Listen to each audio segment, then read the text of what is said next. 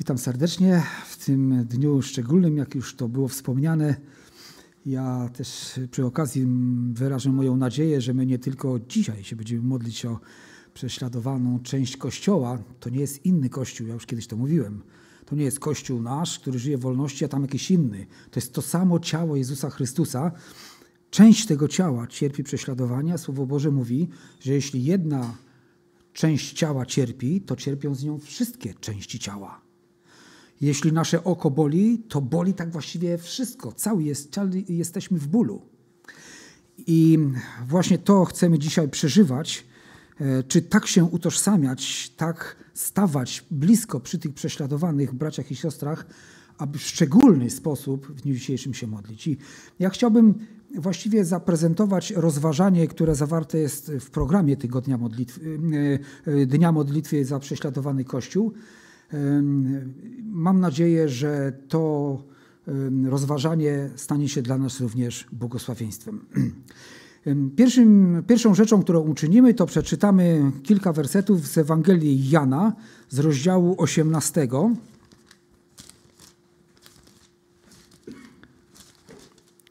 Ewangelia Jana, rozdział 18, wersety 33 do 37.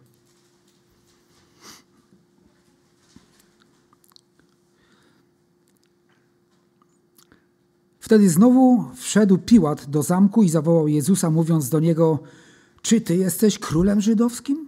Odpowiedział Jezus: Czy sam od siebie to mówisz, czy inni powiedzieli ci o mnie? Odpowiedział Piłat: Czy ja jestem Żydem?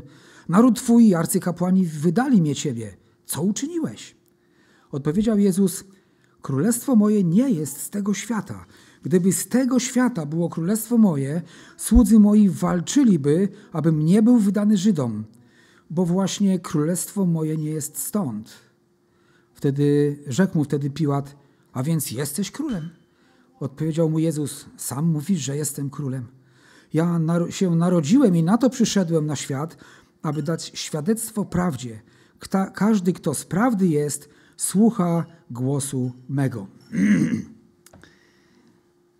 Rozmowa naszego Pana e, i Zbawiciela z Piłatem e, pomaga nam zrozumieć zarówno Jego panowanie, jak i naturę Jego królestwa.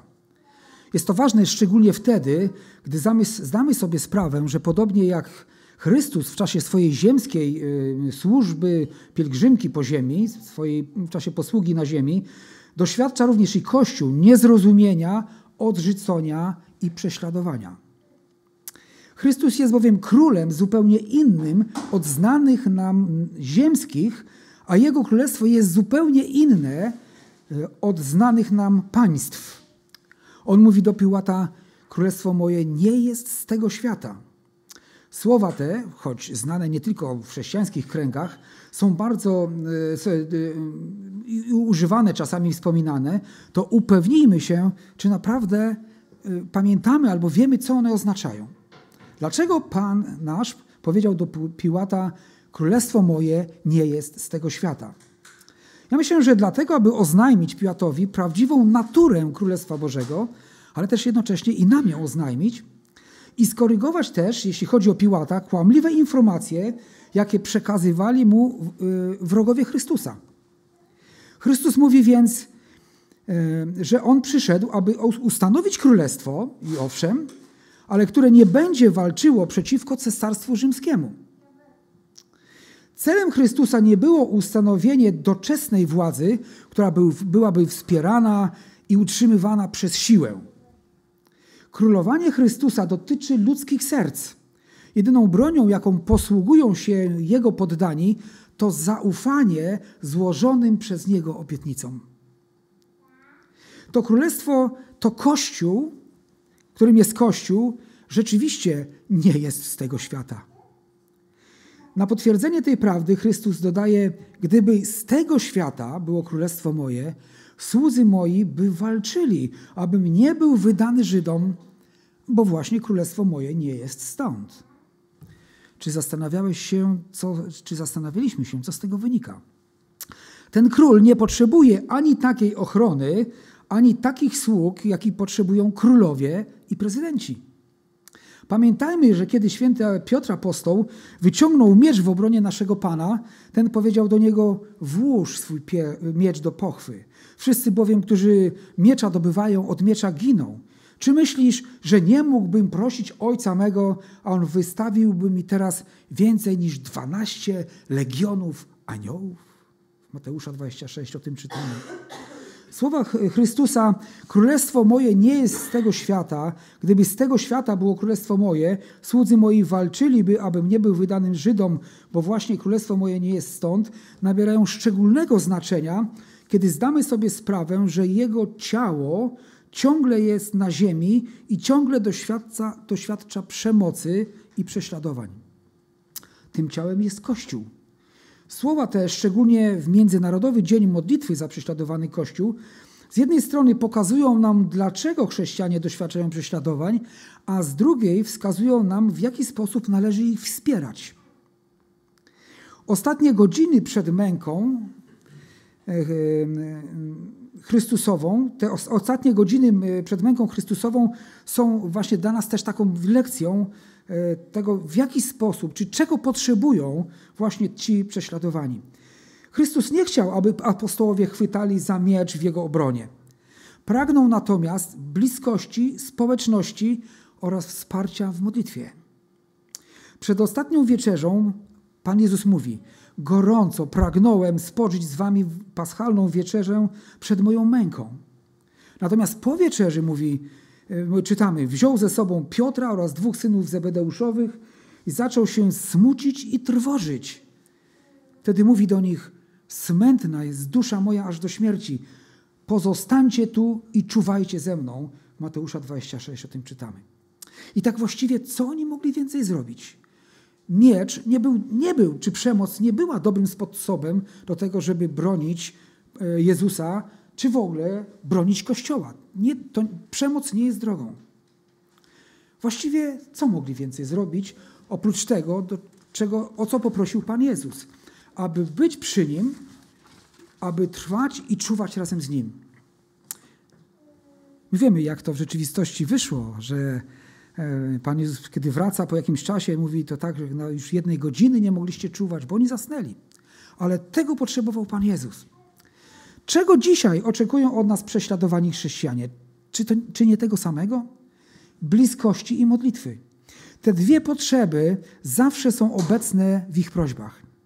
Bliskość i modlitwa są niezbędne do przetrwania chrześcijan nawróconych z islamu, gdyż decyzja, aby uwierzyć w Jezusa jako króla i Boga, jest jednoznaczna e, z zerwaniem wszelkich więzi społecznych i rodzinnych. Jak to wygląda w rzeczywistości, często o tym czytamy, ale tutaj mamy przykład Akina z Nigerii. Kiedy się nawrócił na chrześcijaństwo, został przez swego ojca dotkliwie pobity, Później trafił do miejsca resocjalizacji, które polegały na, polegało na tym, że przykuty do ściany był bity, musiał recytować sury z Koranu. Kiedy po wielu miesiącach został uwolniony przez policję, wiedział, że nie może już wrócić do rodzinnego domu. Wiele doświadczył, zanim trafił do jednego z domów schronienia, gdzie znalazł pomoc i bliskość innych chrześcijan. Dzisiaj prosi o modlitwę za swoich rodziców, by ci mogli poznać Jezusa jako swego Pana i Zbawiciela.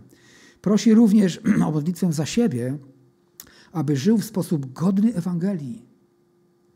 Czuwajmy razem z prześladowanymi.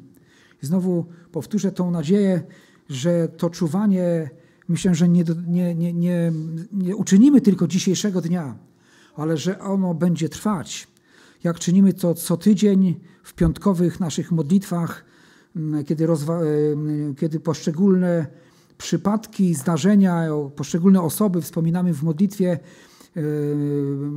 drogą internetową, do czego ciągle zachęcam, aby kolejne osoby się przyłączały również do, do tych modlitw. E, to, to jest właśnie to, co dzisiaj i każdego następnego dnia możemy robić. To wiecie, to nie wymaga długiej modlitwy. Czasami możesz zrobić to w kilka sekund. Czasami to jest westchnienie serca.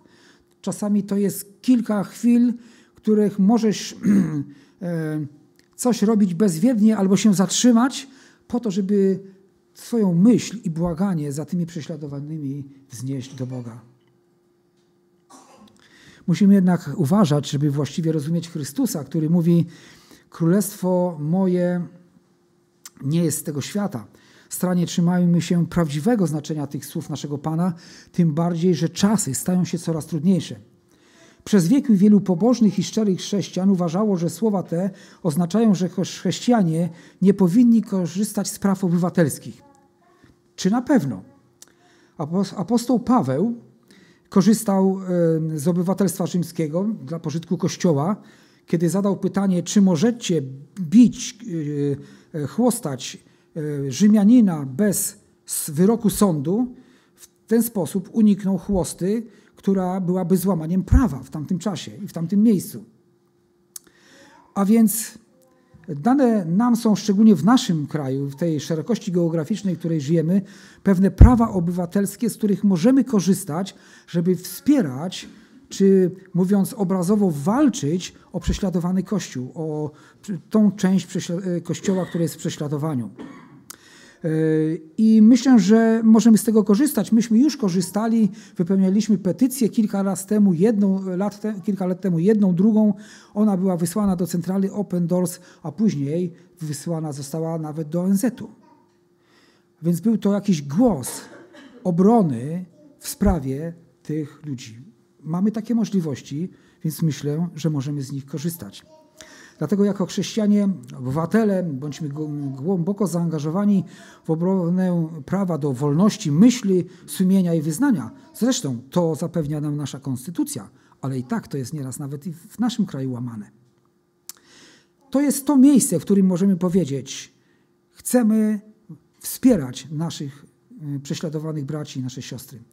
Podpisujmy petycje w obronie prześladowanych oraz inne, na inne sposoby walczmy o ich wolność, pamiętając jednak, że używając tych sposobów wynikających z praw człowieka, tak naprawdę wszystko jest w Bożym ręku. Wiecie, to jest troszeczkę tak, jak, e, jak idziemy do lekarza. Modlimy się, powierzamy naszą chorobę w Boże ręce, korzystamy z pomocy lekarskiej, modlimy się również o lekarza.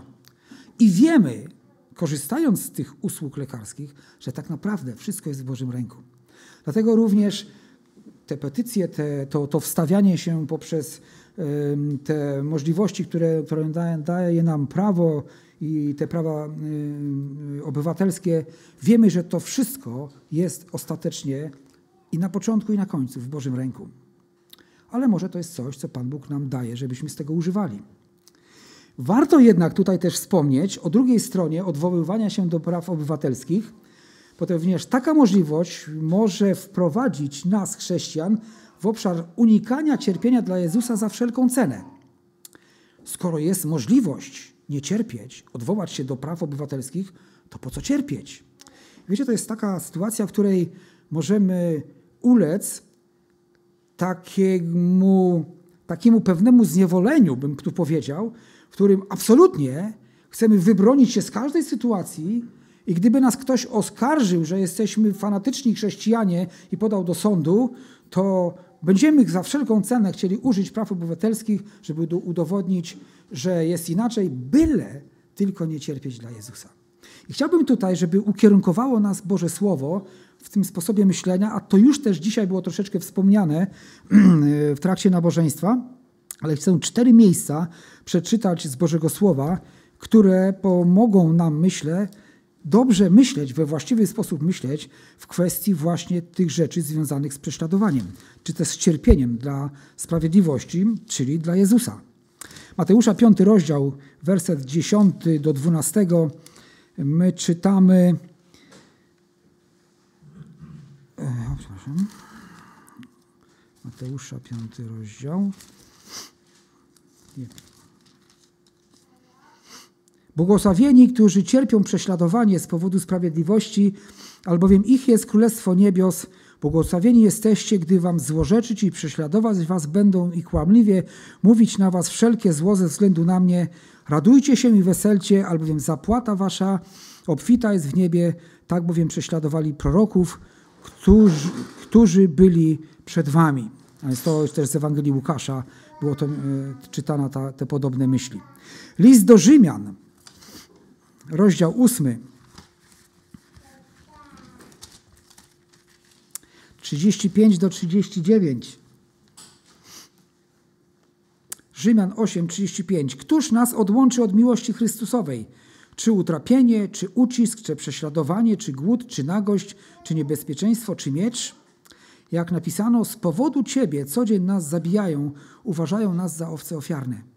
Ale w tym wszystkim zwyciężamy przez tego, który nas umiłował, albowiem jestem tego pewien, że ani śmierć, ani życie, ani aniołowie, ani potęgi niebieskie, ani teraźniejszość, ani przyszłość, ani moce, ani wysokość, ani głębokość, ani żadne inne stworzenie nie zdoła nas odłączyć od miłości Bożej, która jest w Chrystusie Jezusie, Panu naszym. I zobaczmy, że tutaj w tym miejscu Słowo Boże nie mówi, że wierzący unikną tego wszystkiego, ale że to, że przeżywając takie rzeczy, jesteśmy w Bożym ręku i nikt od Bożej miłości i Bożej wierności nas odłączyć nie może. Dzieje apostolskie, rozdział 21.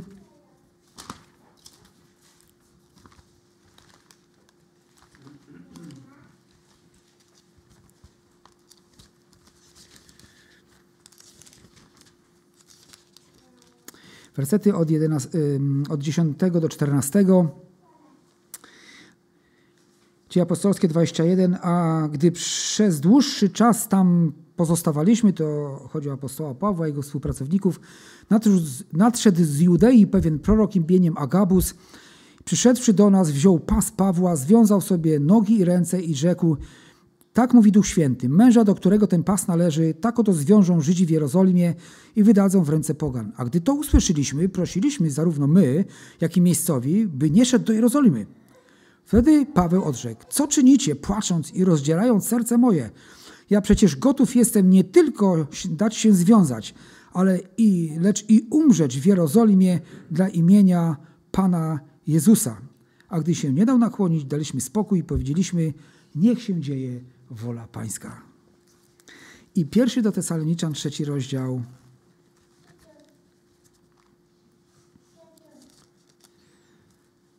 Trzeci i czwarty werset.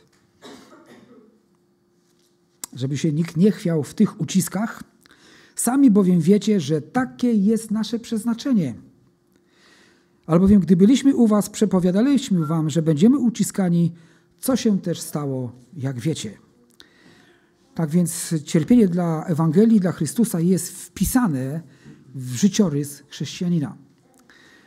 Dlaczego, i powtórzę to pytanie, dlaczego my żyjemy spokojnie, a w innych krajach muszą tak cierpieć, nie wiem. Wiem jedno, że wielkie błogosławieństwo jest nad tymi, którzy cierpią w taki sposób dla Pana Jezusa. A nagroda za ich wytrwałość będzie wielka. Zwróćmy również uwagę na to, że w dzisiejszym fragmencie Ewangelii Pan Jezus mówi o swojej misji. Oświadcza On, ja się narodziłem i na to przyszedłem na świat, aby dać świadectwo prawdzie.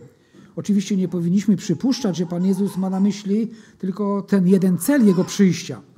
Bez wątpienia nasz Pan odnosi się do tego, o czym myślał e, Poncjusz Piłat. To znaczy, że Chrystus nie przyszedł, aby zdobyć królestwo mieczem, ani aby zebrać zwolenników i naśladowców podstępem lub siłą. On przyszedł uzbrojony jedynie w prawdę, po to, by świadczyć upadłemu człowiekowi o Bogu, o grzechu, o potrzebie odkupiciela i odkupienia i o naturze świętości. Przyszedł, aby być Bożym świadkiem dla zgubionego i zepsutego świata. tej prawdy potrzebował dumny prefekt Judei, tej prawdy potrzebuje każdy człowiek szczególnie nieodrodzony, ale i my, aby odświeżać naszą świadomość w Bogu. Każdy chrześcijanin w każdym wieku powinien pamiętać, że postępowanie naszego Pana jest dla nas przykładem.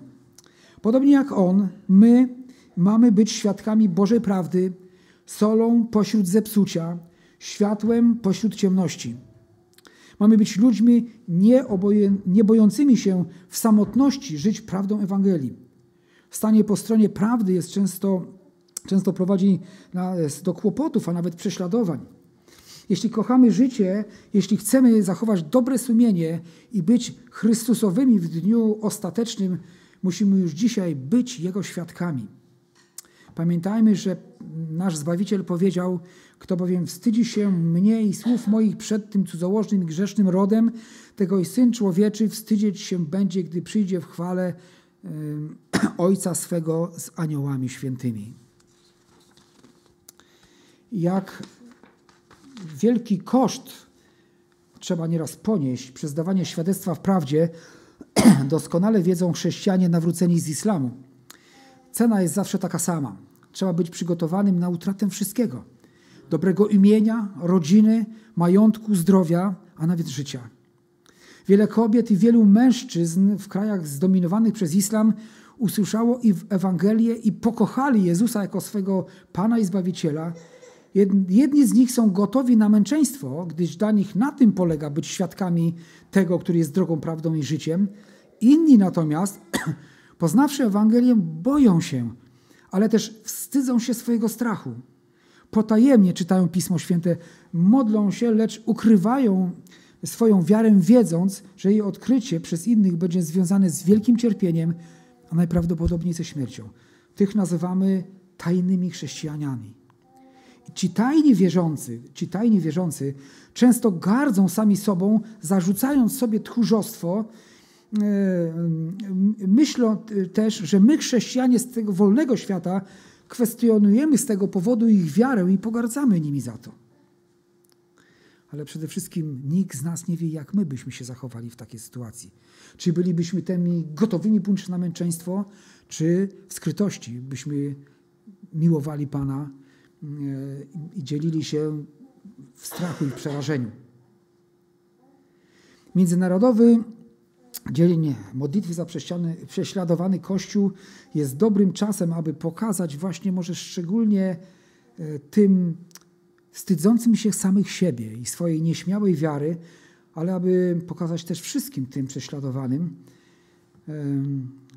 że jesteśmy jednego ducha z tym, który trzciny nadłamanej nie dołamie, ani knota gasnącego nie dogasi. Czuwajmy więc w modlitwie.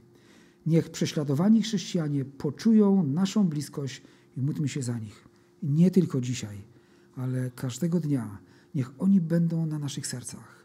Niech będą w naszych sercach. To jest kilka chwil, aby zawołać, westchnąć do Pana w ich sprawie.